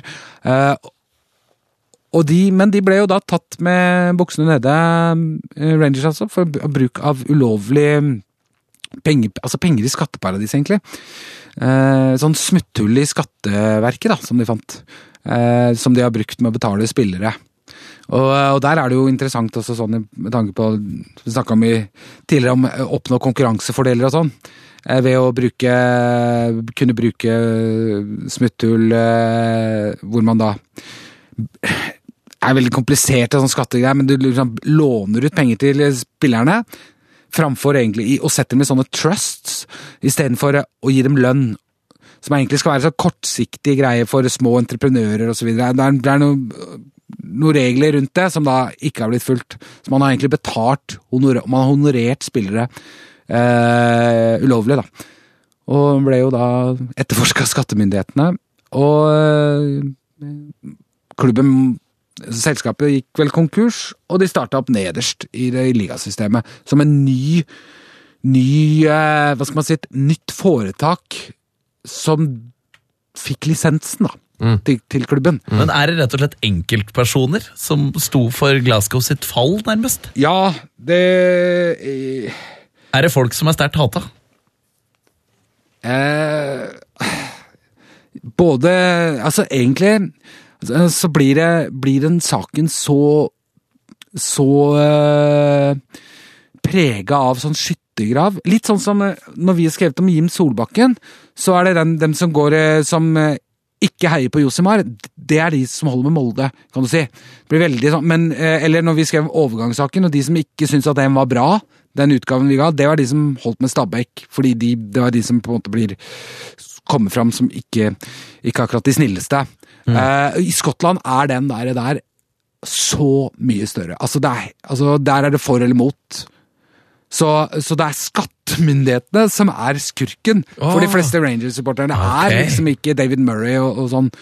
Eh, og det er, det er selvfølgelig enkeltpersoner og den, denne maktkampen som har oppstått på styrerom og sånn, så- men det er veldig veldig mange elementer. Men hatet forenes mot skattemyndighetene framfor, framfor eh, eh, egentlig enkeltpersoner, sånn sett, som eh, det kanskje burde bli. da. Det artige er jo det at eh, Rangers er jo rojalistenes liksom, klubb. da.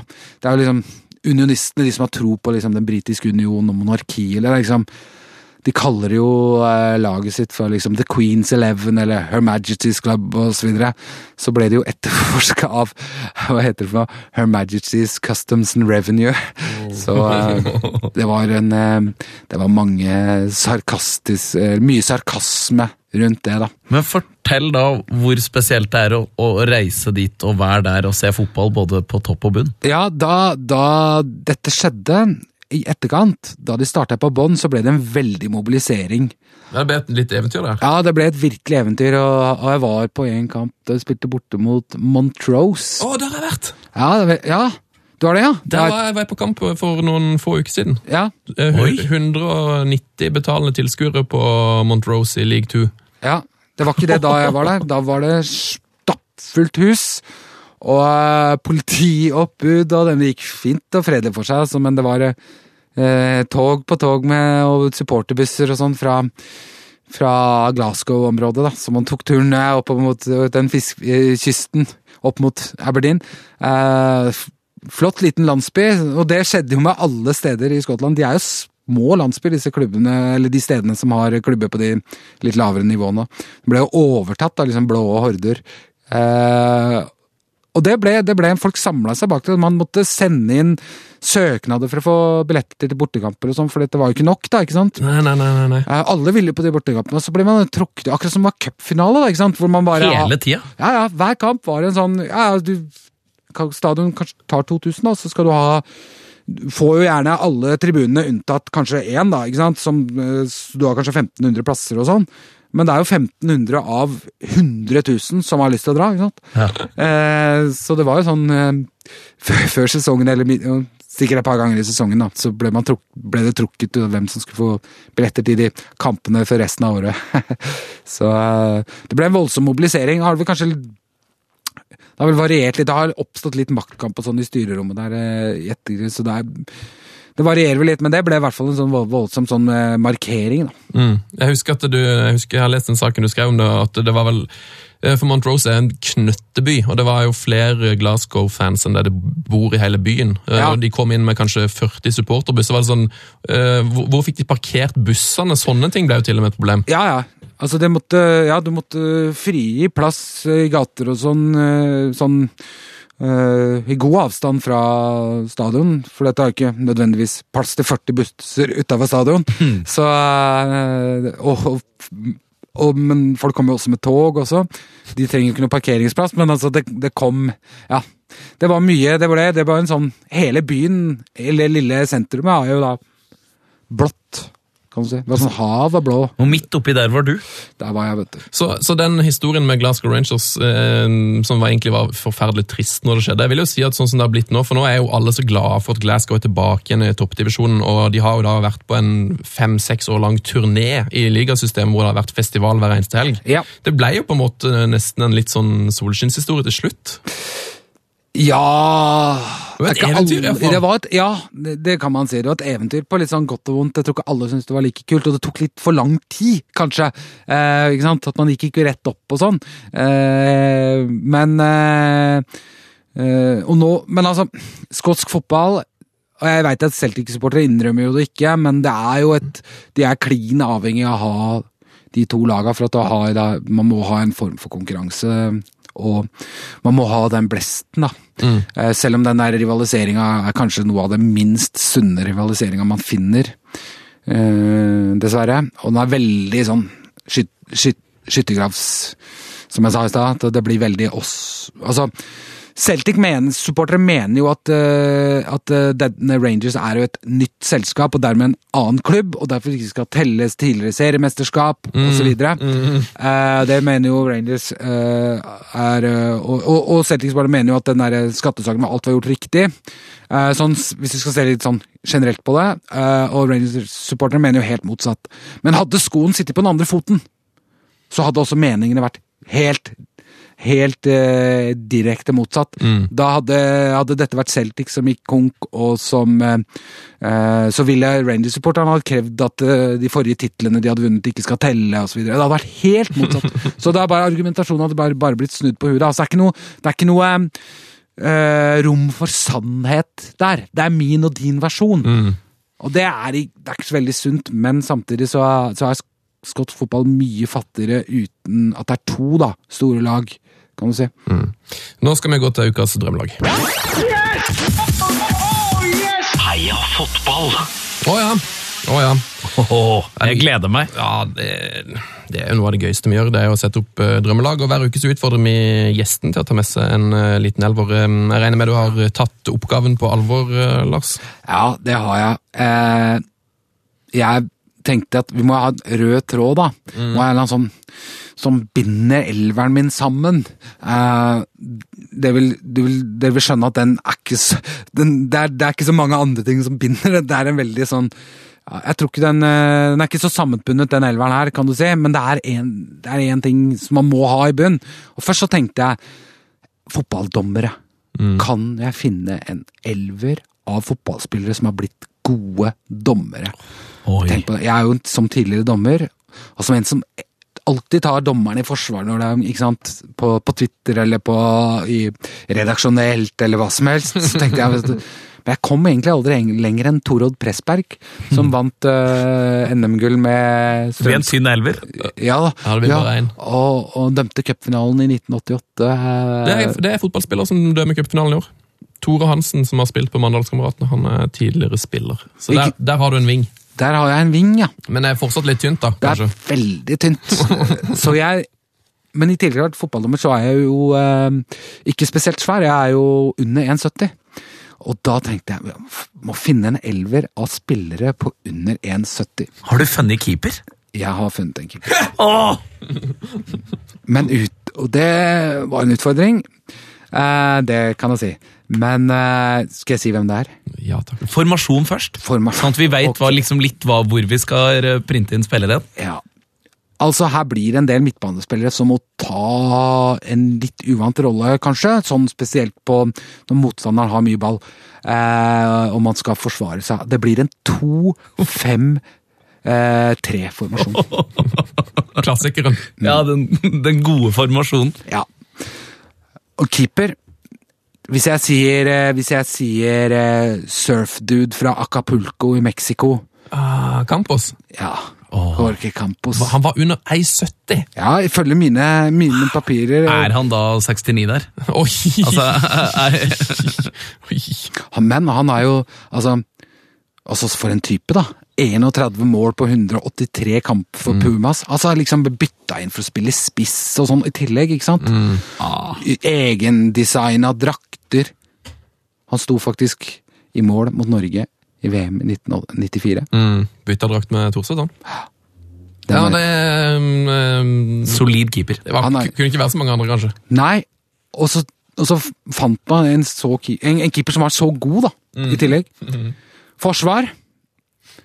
Nobby Styles. Ah, Nobby! Nobby. By, ja, Var han liten, han òg? han var liten. 1,68, tror jeg. 1,69 kanskje. At det er mulig! Altså, hvis du husker, det husker ingen av oss, men vi har sett det, hvordan han tok Altså, fikk Eusebio ut av VM-semifinalen i 1966. Altså, det er et, altså, det er et prakteksempel på et skittent forsvarsspill. Kunne ikke uttriks. Ja, ja men, men det må til noen gang. Altså, Fotball er et lagspill, og da må man ha noe som rydder opp. Noen som bare tar den for laget. Nobby var den mannen. Han trengs, for jeg er litt redd for at denne elveren her blir litt overspilt noen ganger, så vi må ha noen som tør å, tør å sette en støkk i motstanderen. da. Forsvarsspiller nummer to, Paul Parker. Paul Parker. Husker dere han fra VM i 90, eller? Eh, Jeg husker han fra Manchester United tidlig 90-tall. Ja, Han spilte jo før for, for, for, for, QPR. Og har også vært innom Chelsea litt seinere. Men eh, altså Utrolig sympatisk fjes på Paul Parker. Veldig sympatisk. Klassisk wingback da, kan du si, av engelsk merke. Og jeg er jo en sånn, jeg er jo en enkel fyr, svak for de tradisjonelle liksom, britiske merkevarene. da. For eksempel vinger. Gjerne utoverkant av vinger. da. Eh, Klassiske nier og, sånn, og sånne ting. Og Parker ble liksom den favoritt under VM i 90, men så var han så uheldig å ruse ut på Andreas Bremes frispark i semifinalen. Ballen traff og seila i en bue over pitskilten og i mål. Det er bra du har han her til å tette igjen bak. Ikke sant? Midtbane. Jostein Johannessen. J, som han kalles. Rett og slett Aldri hørt om. bokstaven J. Nei, han skal jeg fortelle om han. Ja, ja, ja. ja. Han er i min bok den beste spilleren i Bærum Sportsklubbs historie. Oi! Ja, Han er tilfeldigvis like gammel som meg, da, og vi deler en del bekjente. Helt tilfeldig. Ja, altså Bærum hadde jo et ganske bra lag på begynnelsen av 90-tallet og rykka opp i første divisjon, og så rakna det. Og 1994 var jo laget omtrent bygd, bygd opp rundt Jostein, eller J, som vi kaller han. Og han var da 18 år, og det ble selvfølgelig nedrykk. Men han holdt det gående og var eh, ganske nær en overgang til Strømsgods et år. Eh, men ble i Bærum da, og var med på opprykket i 2002. Dessverre så la han det opp etter den sesongen. Jeg har jo tilgitt den nå, da, men det gnagde i meg ganske lenge. Og to år etter det, da var jeg på russereunion, og der møtte jeg Jostein. Ja. Og jeg var da godt bedugga, litt utpå kvelden, eller ganske tidlig på kvelden, egentlig. Vi hadde vært gått tidlig på'n, og da så jeg mitt snitt til å sette skapet på plass. Og jeg, Bærum rykka jo selvfølgelig rett ned igjen i 2003, og jeg var sikker på at vi hadde beholdt plassen i serien dersom J hadde fortsatt. Men eh, det var ikke J enig jeg, jeg sa det til han, og han var ikke enig, så jeg tok like greit og løfta han opp etter veggen og skreik ut 'Det var din feil, Jostein! Det var din feil!' Folk måtte komme imellom, skille og sa det, og nå roer vi oss og greier. Og den dagen du ble avholds. Ja, nei, det var, det var da jeg, den dagen jeg burde ha blitt avholds. Det skjedde noen, noen, etter, noen år etterpå. Men egentlig da, så var det en stor, stor kjærlighetserklæring fra meg til ham. Men den kom veldig, veldig feil ut, da. For en, til en kjærlighetserklæring til en spiller som egentlig symboliserte klubben i det som var sånn formative år, da, for meg. Og han har jo tilgitt meg nå i ettertid, da. Vi må fylle opp midtbanen der. Dennis Wise. Dennis Wise, ja. Igjen, vi må ha en som rydder opp litt. Ja, ja, ja. Og Dennis Wise, altså. Jeg husker jeg var i Kjøben i 98, cupvinnercup. Og vi hadde akkurat gått av ferja, da, fra Kjøbenbåten. Og funnet plass på en fastfood-restaurant på strøket. Funnet plass i andre etasje med utsikt ned mot strøket. På motsatt side av en norsk gjeng der, eller var vel en, noen engelskmenn også, men så på motsatt side av strøket, på gateplan, der var det en pub. Og vi hadde utsikt over den gata, og så plutselig mens vi satt der og spiste burgeren vår, så sto det en fyr utafor puben og banka på døra og skulle inn. Det var Dennis Wise i treningsdress på kampdag! Et kjapt lite søk på nettet, så jeg kjent for sin aggressive og gi alt-holdning. Stemmer overens. det. Absolutt. Elska, elska fyr. Eh, og så må vi ha med Pat Nevin. Pat Nevin. Pat Nevin. Er, vi- er, er, er det Irland, da? Skotsk. Han er skotsk. Skotsk. Men han er jo da først og fremst en Chelsea-spiller, da. Han var jo virkelig en av de store en periode i Chelsea-historien som var ganske grå. Altså, vi rykka jo opp i 84 og var, ble nummer seks år etter, men det var jo en tid som var- liksom var prega av huliganisme og faenskap og gjørmete baner. Pat Nevin representerte det, det på en måte Chelsea egentlig var, da. Det lekne, det som hadde som eh, de var på storhetstida si på 60-70-tallet. Spillere liksom som hadde det de kaller flair, ikke sant. Eh, og det taler jo heller ikke imot at mot ham at han var en som levde studentlivet. Han skrev jo musikkanmeldelser i, i, for NMI, altså musikkbladet NMI. Wow. Ja, ja. Og han hadde jo eh, reist rundt på konserter og altså, du vet, Engelsk fotballag er jo en barnehage. Og, og han hadde jo alltid med seg NMI på bortekamper og le- leste, ikke sant? Og det syntes jo de andre spillerne var dritkult, da, å klippe og bla hans og greier. Men Pat, han visste råd. Han hadde alltid med seg to X av samme utgave. Åh. Triks. Han, eh, altså, og John Neal, da, som var manager på den første, i den første tida, han var jo en enkel fyr fra Nord-England, og han eh, hadde kjørte enkle peptalks, og den besto i én ting. Vet du hva det var, eller? Give the ball to Pat, eller? Ja. yes! Give the ball to Pat. Ja, for han har skåra en del mål. Give the ball to Pat and you'll win. Det her er jo et nytt bekjentskap for meg, jeg skal være ærlig og si det, men altså, Pat Nevin. slående mye goller. Åh, fantastisk spiller! Og og han var en av de få spillerne også som turte å ta et oppgjør med rasisme på tribunen. Han ble jo bestkompis med Paul Cannaville, som var første svarte spilleren på Chelsea, som ikke akkurat ble møtt med åpne armer. Pat Nevin var med å liksom markere at det der er ikke greit. Men uh, han er jo egentlig wing, så nå må vi litt mer inn på midtbanen igjen. Fredrik Strømstad. Åh, Fredrik Strømstad, Ja, men det, der. ikke sant? Og de fleste husker kanskje Start neste sesong i 2005, landslagsspill osv. Når du tenker på Fredrik Strømstad. Det er fair. ha det Bærum! Jeg tenker på sesongen 2002. Da var det en litt smågal islending som var trener i Start, og han var skikkelig glad. Og da mener jeg skikkelig glad i folk med my mye muskler. Store folk, det ville han ha. Han var vel, han var vel i Stoke òg. Han, han var vel liksom han som starta Stoke-fotballen, han eh, islendingen der. Ja, det kan godt hende. Den, den ligner. Ja. Det, I hvert fall. Der passa selvfølgelig ikke Fredrik Strømstad inn. Nei, Man, gutten som er født omtrent i starthallen, han fikk da vil, måtte vekk. Og da så en liten klubb i annendivisjon i Oslo-området sitt snitt da, til å hente han. Og, så, og Fredrik, selv om Fredrik Strømstad leverte liksom på 80% den halvdelen han spilte i Bærum i 2000, den halve sesongen han spilte i Bærum, selv om han leverte på 80 så var han to divisjoner bedre enn alle andre. Vanvittig god, rett og slett. Han var vanvittig, og så så jævla blid! Gjennomført hyggelig fyr! Ja, Nydelig mann. Og så må vi jo ha med Diego Maradona. På et lag på spillere av 1,70. Var han under 1,70, altså? Ja.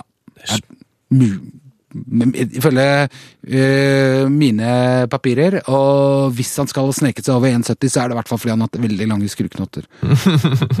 jeg har jo egentlig aldri vært noen fan av Marani. Jeg er jo, jeg er jo litt sånn altfor anglofil da, Uh, i oppveksten til å liksom synes at uh, Guds hånd og sånn var liksom kult. da. Nei, det var ikke innafor. Det skjønner jeg. Ikke sant? Men i ettertid, når han vokser fra altså jeg, jeg husker jeg hata jo Erik Cantona, men jeg har jo sett hva han var, liksom.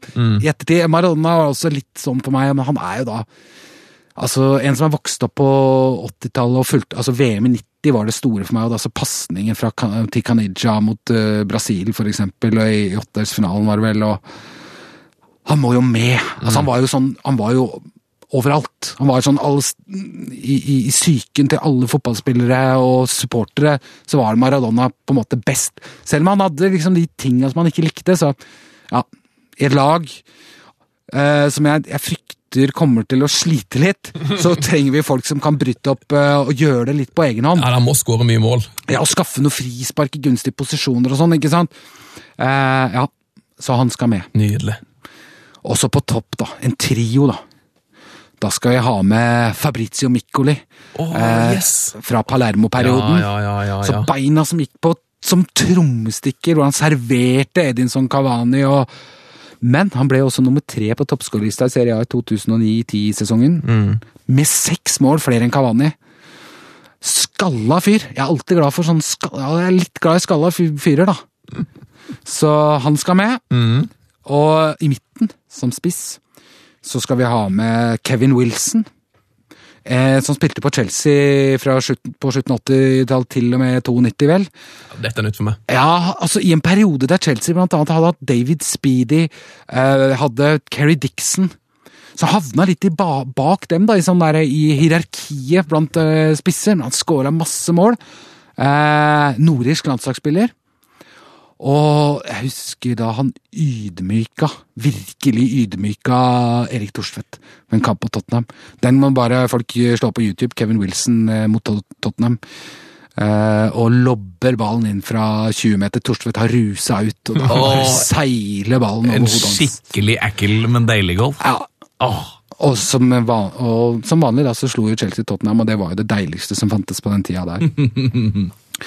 og den siste spilleren, han skal ikke helt på topp, han skal liksom litt lenger med, men han får egentlig lov til å være falsk nier. Vet du hva? Han, skal, han er så ekte, han. Som det, det finnes ikke noe ektere menneske i hele verden, tror jeg. Og Så han, han kan bare være på banen, han, så er det nok. Og det er den største av dem alle. Gianfranco Zola. Ja, jeg satt og venta på det. jeg satt og ventet på det. Hvor blir det av Zola for denne Chelsea-mannen? Jeg, vet, jeg vet ikke, jeg er, litt på, jeg er resten på gråten her. Åh, Han er størst. Ja, fytti. Og han, var, han har du sett i Tromsø, du? Hvor, hvor mange ganger har du sett Sola, tror du? Åh, jeg, vet ikke. Det er, han var så stor, han. Jeg, har sett, nei, det er, jeg, så, eh, jeg så ikke debuten hans, men jeg så de to etterfølgende kampene, husker jeg. På holdt jeg på å si live on tape, nei, altså til stede. Eh, og den eh, kamp, ene kampen der mot Everton, det var bare altså det var en åpenbaring. Det var så Ja. Han var, vant jo eh, årets spiller, han ble jo årets spiller blant spillerne den første sesongen han var der. Altså i Premier League. Og eh, da hadde han vært der i to måneder. Da, da de la, jeg tror han hadde spilt i to måneder da de Ja, måtte var- stemme. Han var så god. Ja, han var så god. Og så så hyggelig fyr. Mm. Sånn personlighet som bare Ja, nei, eh, han var alt. Sto- Eneste stort smil. Ja. Ja, det, var, det var emosjonelt for deg, Lars. Det er, eh, det er noen spillere som bare er, er det, gjør det med deg. Ja. Eh, Takk for at du delte. Nå skal vi hylle en, eh, en av våre lytteres store helter.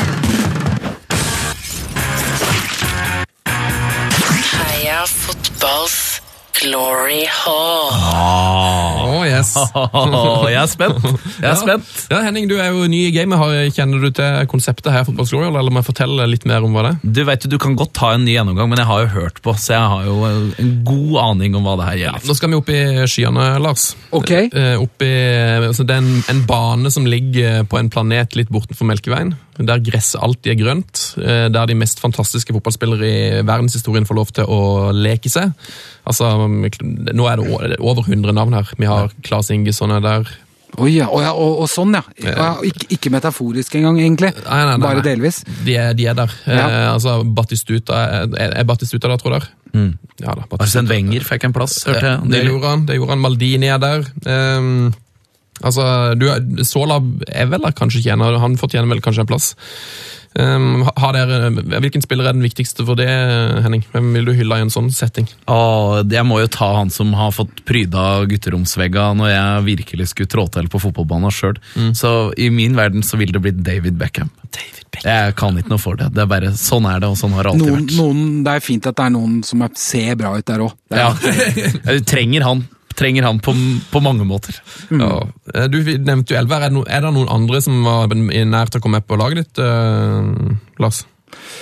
Uh, Er det noen som er helt oppe der i Sola-klassen som er over 1,70? som er over 1,70. Messi, altså. Han er akkurat Jeg tror han er Han er akkurat 1,70. Ja, For jeg, har lag, jeg hadde lagd meg en liten liste på forhånd som jeg liksom har kryssa vekk. Og der, Det var Sola som jeg venta på. Men der var også Messi, TVs Carlos, Roberto Carlos. Og så trodde jeg kanskje du kom til å ta med Pablo Aymar. ja han, eh, han var på. Han var på. Um, I dag har vi fått en hyllest uh, fra en uh, lytter som heter Ola, uh, som bor i Lommedalen. Hei, hei Ola. Og han har sendt Pocket Valley, som vi kaller det der vi Pocket fra. Valley! Så nå er det bare å lene seg tilbake, boys, og så får vi ukas eh, hyllest. Kjør. Ikke mange kan si at de har skåret på keepere som van der Sar, Khan, Lehmann og Buffon, men dagens helt har det. Ja, det, eh, dagens helt har til og med gjort noe ingen norske spillere har klart i den senere tid. Skåre på joggebuksemannen Gabor Gerali. Året er 1997, da denne spilleren gjør sin debut i den tyske Bundesliga. Noen vil kanskje kalle det en treig start, for selv om han nyter stor tillit i sin klubb Hamburg, blir han stående med null mål denne sesongen. Det er få som vet hva som skal komme, for i 1998-sesongen skårer den unge tyskeren sju mål. Han begynner å bli klar for en større utfordring, og veien går videre til Bayer Leverkosen. Der han i lag med legender som Ballack, Lucio både taper én Champions League-finale mot selveste Zidane og Madrid, eh, ja, og, og flere andre tap. da. Her definerer han òg eh, sin YouTube-karriere i en kamp mot Schalke. Han skårer på straffe, men eh, forsaker òg et eh, returløp som er såpass slapt at Schalke reduserer bare 30 sekunder seinere. En YouTube-hit er skapt, men vær forsiktig, navnet til vår helt kan lede ditt internettsøk på ville veier. Deretter går turen eh, til Portugal, hvor det kun blir en fattig kamp for Benfica. Han, driv, han trives ikke så godt utenfor de tyske grenser, og veien går fort hjem igjen til Bayern München. Han får med seg 89 kamper, og selv om hans målform har dalt siden Hamburg-tida, så skårer han et viktig mål mot selveste Juventus i Champions League. Hans tredje i Champions League, hans tredje mot Juventus, og hans tredje mot Buffon. Ikke mange spillere har gjort det før han. Eh, I München får han òg raska med seg et seriemesterskap, to Champions League-finale. Ja, det er ikke småtteri denne fyren har vært eh, innom. Eh, Vår helt vinner aldri Champions League. Han vinner heller aldri EM eller VM. Sant å si blir det ikke mange landskamper heller for legenden med det voldsomme navnet.